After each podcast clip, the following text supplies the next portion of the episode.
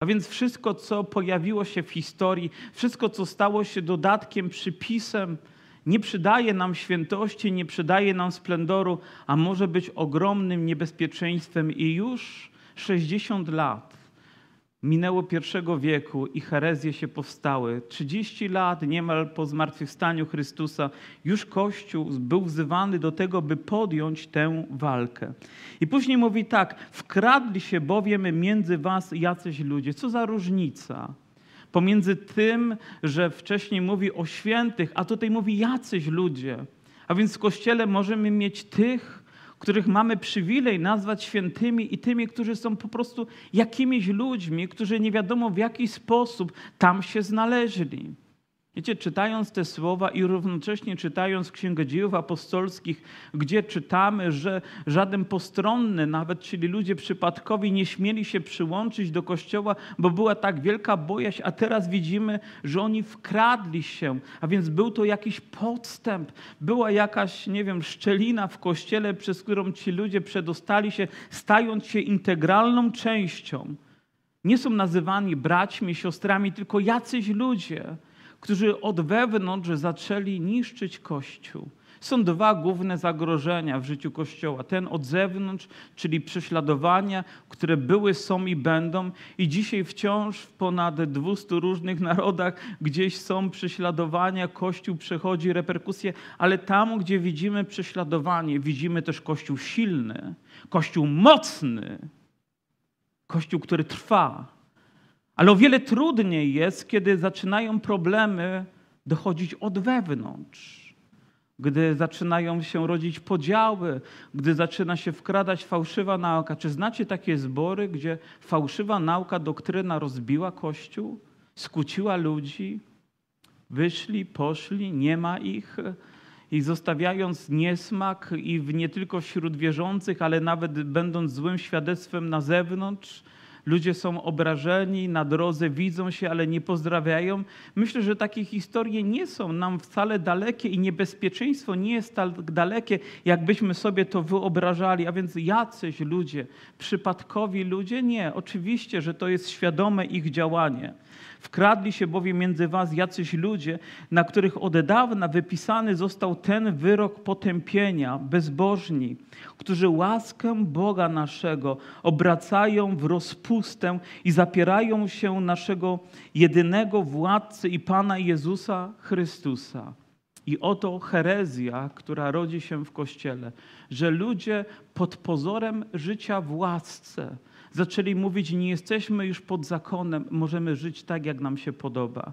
Nie potrzebujemy już uświęcenia, nie potrzebujemy żadnych starań, po prostu zostaliśmy zbawieni, dostaliśmy taką przepustkę do nieba i teraz niczym nie musimy się przejmować. I temu z taką radykalnością przeciwstawia się Juda, mówiąc, że zamienili łaskę Boga, a więc innymi słowy, niezasłużoną przychylność Boga na to, by stała się przepustką do życia w taki sposób, jaki człowiek chce. Nigdzie, czytając Nowy Testament, nie wyciągamy takich wniosków. Jeżeli taka nauka się pojawia, jest ona herezją. Pamiętam sytuację, gdy od czasu do czasu, gdzieś przy okazji jakiegoś fragmentu mówiłem o uświęceniu, o potrzebie uświęcenia w naszym życiu. W tym momencie pewien człowiek wstawał, wychodził i oczywiście na zapleczu dyskutował z innymi, którzy tam byli na temat tego, jakie ja tu rzeczy głoszę, bo on żyje pod łaską, niczego nie potrzebuje. Wciągnął w tę naukę swoją żonę. Kilka miesięcy później Powiem, wyszli ze zboru. Kilka lat później nie byli już małżeństwem. Kilka lat później ta kobieta zapiła się na śmierć, a on żyje w świecie. Myślę, że właśnie w to miejsce prowadzi taka nauka, która nie wzywa nas do uświęcenia. Proszę, nie rozmawiajcie teraz szukając, kto to jest. Polujemy na, na Agatę. Nie. Powiem, to dotyczy każdego z nas kto by przeciwstawiał się tej nauce, ponieważ łaska Boża jest niezasłużoną przychylnością, ale człowiek zaczyna dodawać w ten sposób, że to jest niczym nieuwarunkowana przychylność Boga Ale gdzie o tym czytamy, że to jest niczym nieuwarunkowana? Przecież Nowy Testament wzywa nas, upamiętajcie się, dajcie się ochrzcić. A więc ja widzę warunki, które są stawiane przez apostołów, które są stawiane przez Biblię, które są stawiane również przed Kościołem, abyśmy mogli żyć w łasce. Życie w łasce wcale nie usprawiedliwia naszego grzesznego życia i trwania w nim. Oczywiście, że jako wierzący potkniemy, upadniemy, możemy się potknąć, możemy mieć chwilę słabości, ale wierzący człowiek również, ten, który ma wypisane nowe przymierze w sercu, ma świadomość Boga i jeszcze bardziej będzie rozpaczać niż człowiek, który żyje pod prawem zakonu. Dlaczego? Bo to prawo zostało włożone w Twoje serce. To działa już od wewnątrz, nie możesz sobie z tym poradzić. To nie jest tylko coś, co możesz odrzucić, bo jest zewnętrzne, ale to jest w Tobie, to jest w Twoich myślach, to jest w Twoim duchowym DNA. To sprawia, że nie masz pokoju w swoim życiu, że nie masz już radości, że Twoje życie zaczyna tracić sens, bo Ty pogrążyłeś się w jakimś chaosie, mroku, zaczynasz żyć bez Boga.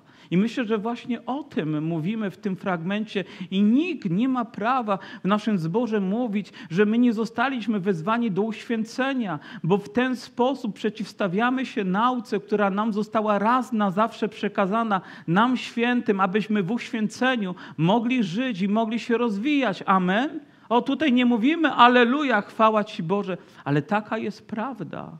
Do tego Kościół, do tego ja i Ty zostaliśmy wezwani i temu z taką radykalnością próbuje przeciwstawić się Juda, bo mówi, bo to uwłacza, to zapiera się jedynego władcy, Boga, naszego Zbawiciela. A chcę przypomnieć Wam, którzy raz na zawsze wszystko wiecie, że Pan wybawił wprawdzie lud z ziemi, egipskiej, ale następnie wytracił tych, którzy nie uwierzyli. I oto przywołuje historię. My mówimy, o to Stary Testament. Jakby ludzie w ten sposób mówią, nie musisz się tym przejmować. Czy wiecie, że Biblia to Biblia? I nie powinniśmy robić takiej granicy szlabanu, że teraz oddzielamy słowo od słowa. Biblia to Biblia od początku do końca jest Słowem Bożym. A więc historie, które są zawarte tam, są lekcjami dla naszego życia dzisiaj. A więc Bóg wybawił swój lud, to prawda. On wyrwał go z mocy Egiptu, to prawda. On zaczął go prowadzić, tak, tylko żeby oni jeszcze po drodze się nawrócili żeby oni uwierzyli, żeby oni trwali, ale zaczęli narzekać, zaczęli jęczeć. Jak im się to nie podoba, to nowe życie wolności. Jak to mają za mało manny, albo za jeszcze czegoś za mało, i jeszcze im się przywództwo Mojżesza nie podoba, i wiele rzeczy im się nie podobało. A gdy doszli do granicy tej ziemi, którą mieli posiąść, to powiedzieli: O, nie damy rady, jesteśmy zbyt słabi, nie polegali na Bogu. I Bóg powiedział: Nikt z was nie wejdzie do tej ziemi. Oni wszyscy, oprócz dwóch, tak, o których wiemy, weszli tam, nie weszli. Dlaczego? Bo nie uwierzyli. I to słowo staje się ostrzeżeniem dla nas. To, że dobrze rozpocząłeś, to nie znaczy, że musisz tak skończyć.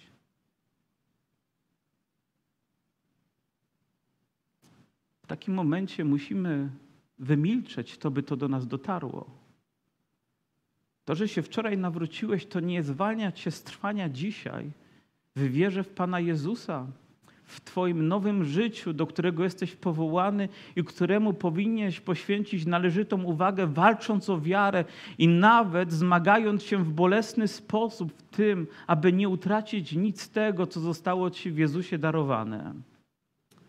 I później przywołuje inną historię, którą nie odnajdujemy w naszym kanonie, o aniołów zaś, którzy nie zachowali określonego dla nich okręgu, lecz opuścili własne mieszkanie – trzyma w wiecznych pętach w ciemności na wielki dzień sądu.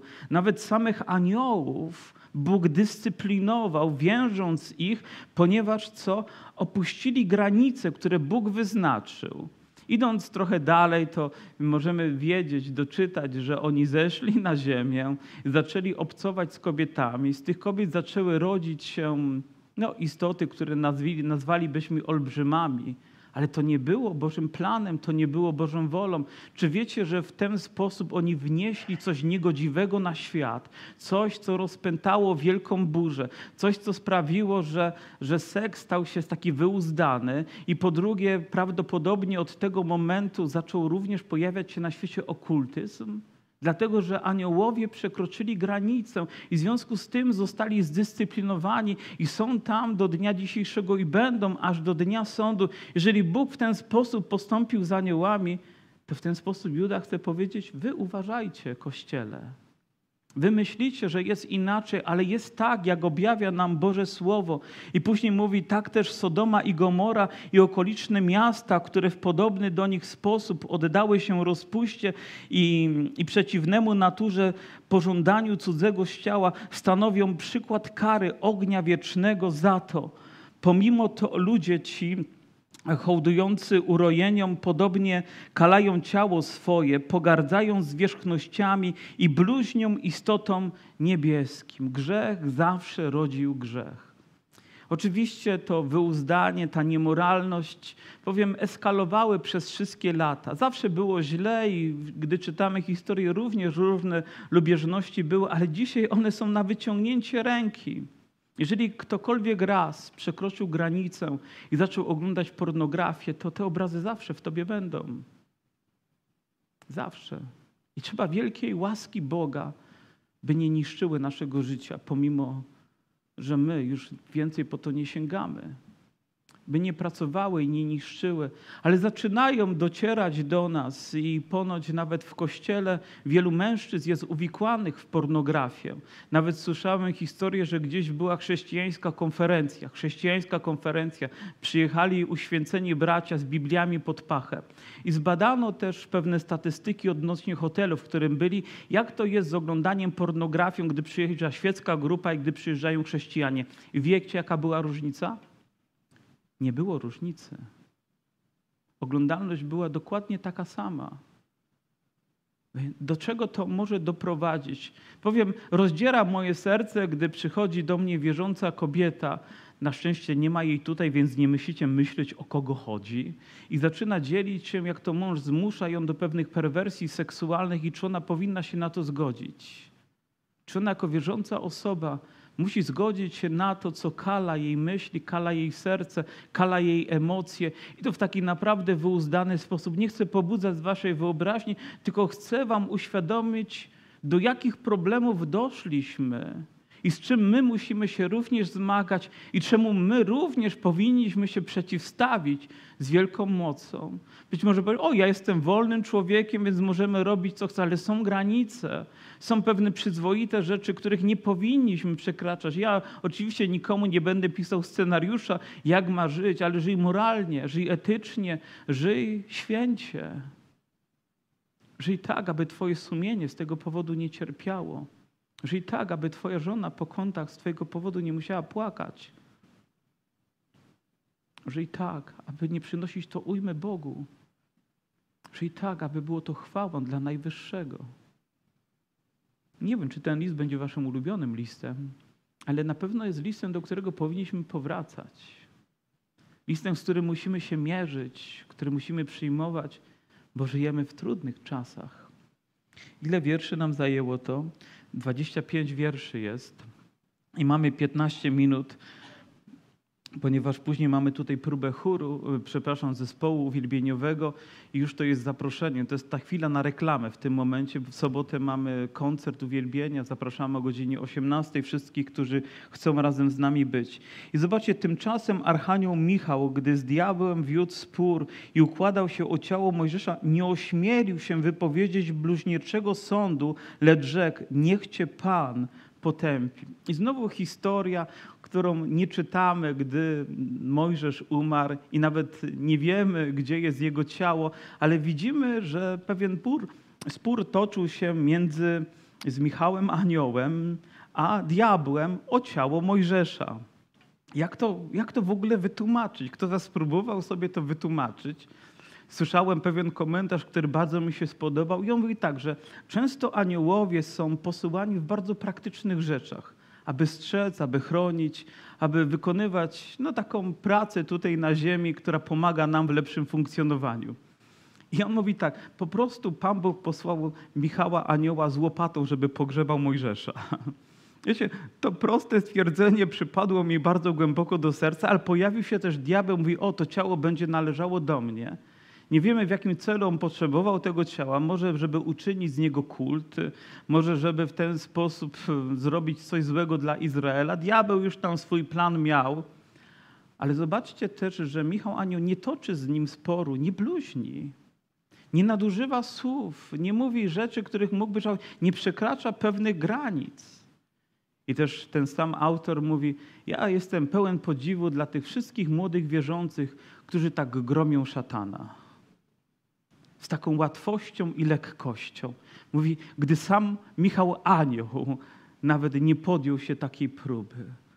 Myślę, że powinniśmy mieć pewną świadomość, z kim toczymy walkę i w jaki sposób tę walkę powinniśmy toczyć. Nie siłami ludzkimi. Nawet sposób, w jaki się wysławiamy, w sposób, w jaki się modlimy, ma znaczenie w tej duchowej walce. Być może wkradli się tam ludzie, którzy też mówili: O, nie musicie się diabłem przejmować, ponieważ już wszystko mamy załatwione. On na pewno nie zrobi nam żadnej krzywdy, ale on toczył spór ale nie nadużył niczego. Mówi, niech cię Pan osądzi. Wiecie dlaczego? Bo tylko Bóg może to uczynić. Tylko Bóg ma wszelką władzę, tylko Bóg ma wszelką moc.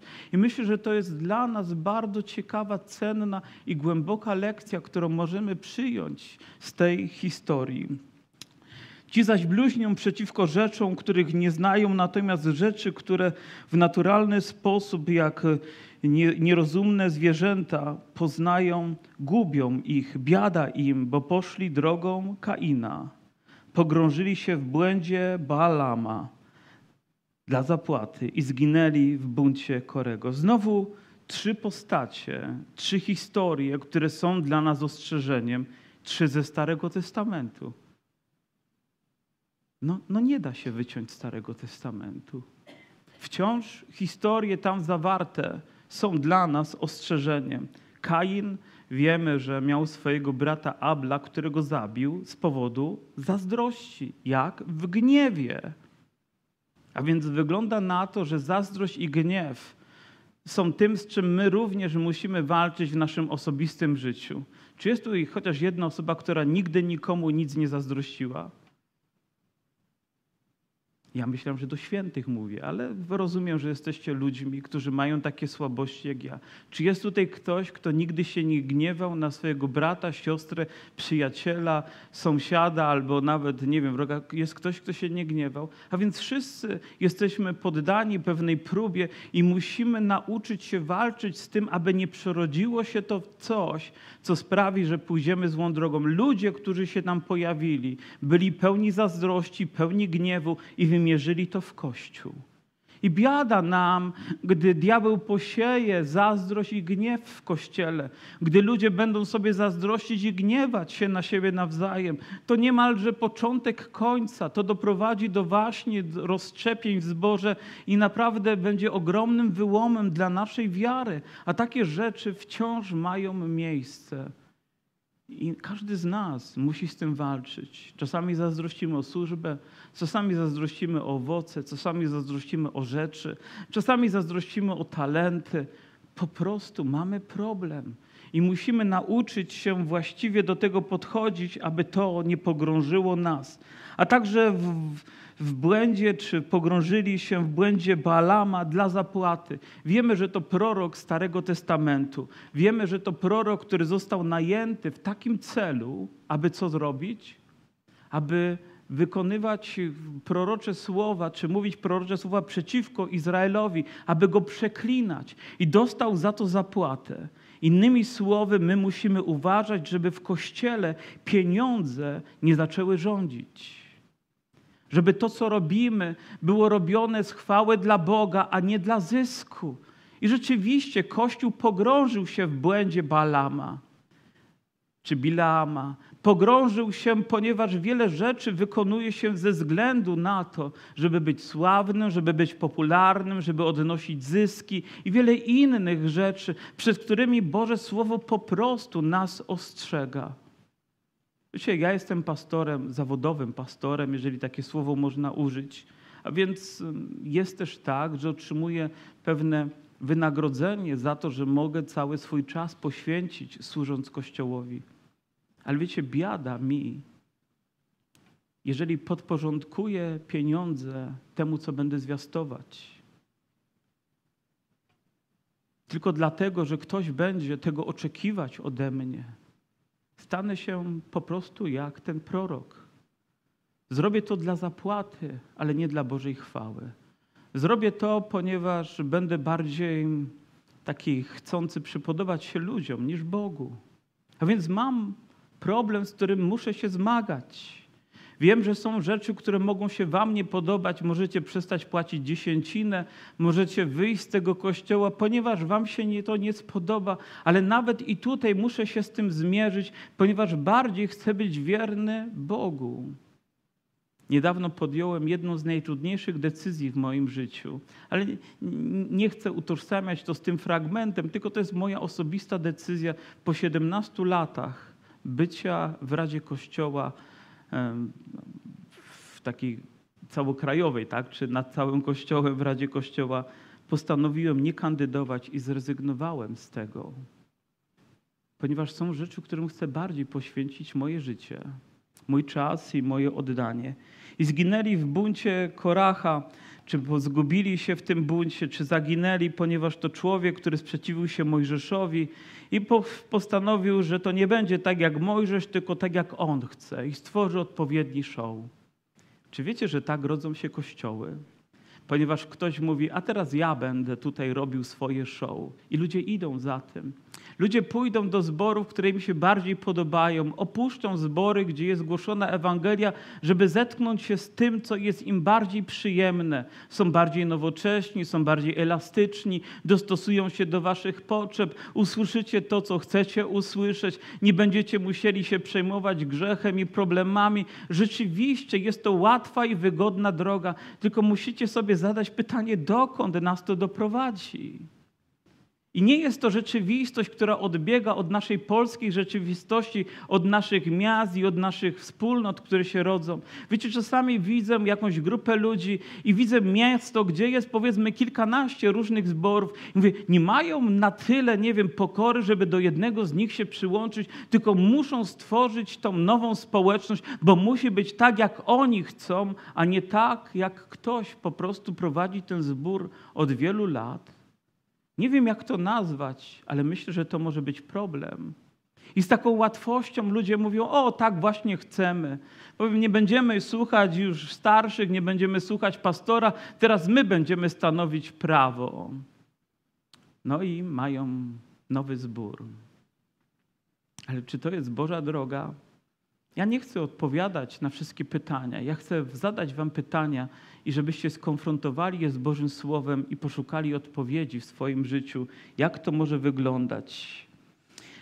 Oni to są zakałą na wszystkich ucztach miłości, w których bez obawy biorą udział i tuczą siebie samych chmurami bez wody, unoszonymi przez wiatr drzewami jesiennymi, które nie rodzą owoców, dwakroć obumarłymi i wykorzenionymi.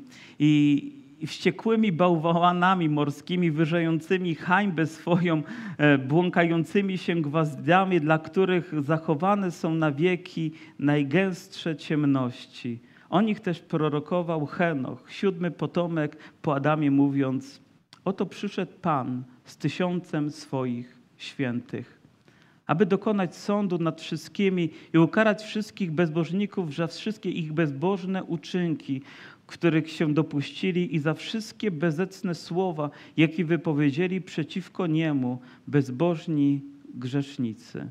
Wiecie, kiedy będziecie cytować dzisiejsze nabożeństwo, to nie mówcie, że mówił to Jarek Ściwiarski. Zgańcie na Judę. To on tak powiedział. To on tak napisał. Na ostrzeżenie dla tych, którzy daliby się ponieść temu, co może przyprawić ich o tak tragiczny koniec. I myślę, że tutaj muszę za chwileczkę zakończyć i niestety stało się tak, jak wy wierzyliście, że nie jestem w stanie jednego listu przejść przez jedno nabożeństwo. Zbyt ważny to list. Zbyt trudna to mowa, czasami twarda to mowa. Ale o jedno was proszę. Podejmijcie bój o wiarę. Jeżeli Pan pozwoli, doczekamy przyszłego tygodnia, czy będę miał okazję zwiastować w innym momencie, to powiem, dlaczego to takie ważne dla nas samych, dla Kościoła. Jakie rzeczy powinniśmy robić, aby się temu przeciwstawić dla nas samych i dla Kościoła, a przede wszystkim dla Bożej chwały, bo to jest ważne. Mam nadzieję, że wracając do domu, o to ciekawa lektura do snu, przeczytać sobie list Judy, ale na pewno zawsze to będzie Boża lektura. Myślę, że dotykająca naszych serc. I na końcu też znajdziemy odpowiedź, co możemy też my zrobić, aby te wszystkie rzeczy nie miały miejsca w życiu naszym i w życiu Kościoła. To piękne zakończenie tego listu jest godne napisania kolejnej i kolejnej pieśni. I mam nadzieję, że tak też będziemy mogli zakończyć kolejne nabożeństwo dla chwały Pana. A dzisiaj, ze względu na to, że mamy próbę przygotowującą do koncertu, w tym momencie zakończymy modlitwą. O, o to byśmy podjęli bój o wiarę, jako Kościół, jako zbór, jako siostry, jako bracia, abyśmy mieli odwagę przeciwstawić się w naszym życiu, w życiu naszej społeczności wszystkiemu, co uwłacza Panu Jezusowi. Wszystkiemu, co jest tylko pozorem łaski, ale nie jest łaską. Co jest pozorem pobożności, ale nie jest pobożnością. Jest tylko nazwą świętości, ale świętością nie jest. Byśmy podjęli bój o wiarę. A wierzę, że Kościół, który podejmie taki bój, to nie będzie jak chmury, które są gnane bez deszczu, nie będą jak drzewa, które nie wydają owocu, ale to będą chmury, które będą spuszczały deszcz i to będą drzewa, które będą wydawały wielokrotny owoc dla chwały Boga. Tak niewiele potrzeba, trochę trudu, po prostu boju o Twoją, o moją, o naszą świętą wiarę, aby Jego Kościół był święty, abyśmy my mogli prowadzić uświęcone życie. Amen. Powstańmy. Czy jest ktoś z Was, kto dzisiaj uznał, że te słowa są zachęcające, abyśmy podjęli taką walkę w modlitwie? Mam nadzieję, że tak. Mam nadzieję, że chociaż jedna siostra albo jeden brat na tym miejscu powie: Tak, panie, chcę podjąć taką walkę. Może to jest walka o Twoje życie, o Twojej rodziny, o Kościół w Dąbrowie, może o Kościół w naszym regionie, a kto wie, czy nawet nie więcej. Stoczmy tą najważniejszą bitwę w naszym życiu. Pochylmy nasze głowy. Chciałbym spytać, kto z Was chce taką bitwę podjąć? Kto z Was? Kto z Was?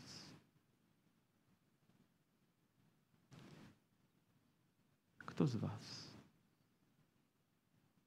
Oczywiście, że wszystko zaczyna się ode mnie, od mojego życia. Powiem Wam, to jest bardzo bolesna bitwa, bardzo trudna bitwa.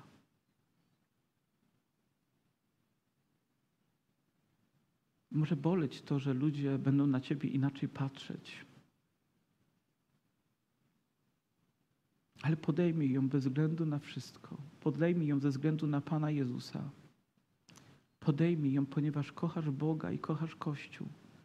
Podejmij, ponieważ Tobie tak bardzo zależy na Nim, a Jemu tak bardzo zależy na Tobie. Panie Boże, dziękujemy Ci za to, że dzisiaj, Panie, Ty posłałeś swoje słowo. I dziękujemy Ci za to, że to słowo jest żywe i święte, prawdziwe Panie, takim jest.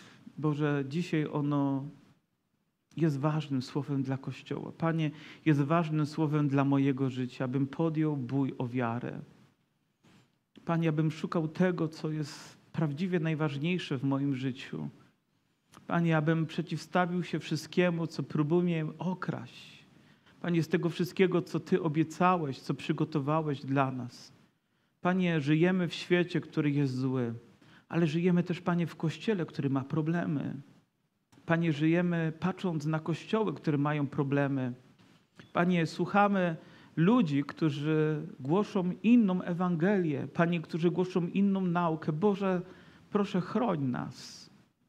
Panie, proszę, chroń, byśmy z taką łatwością, Panie, i bezkrytycznie nie przyjmowali wszystkiego, ale tylko to, co pochodzi od Ciebie.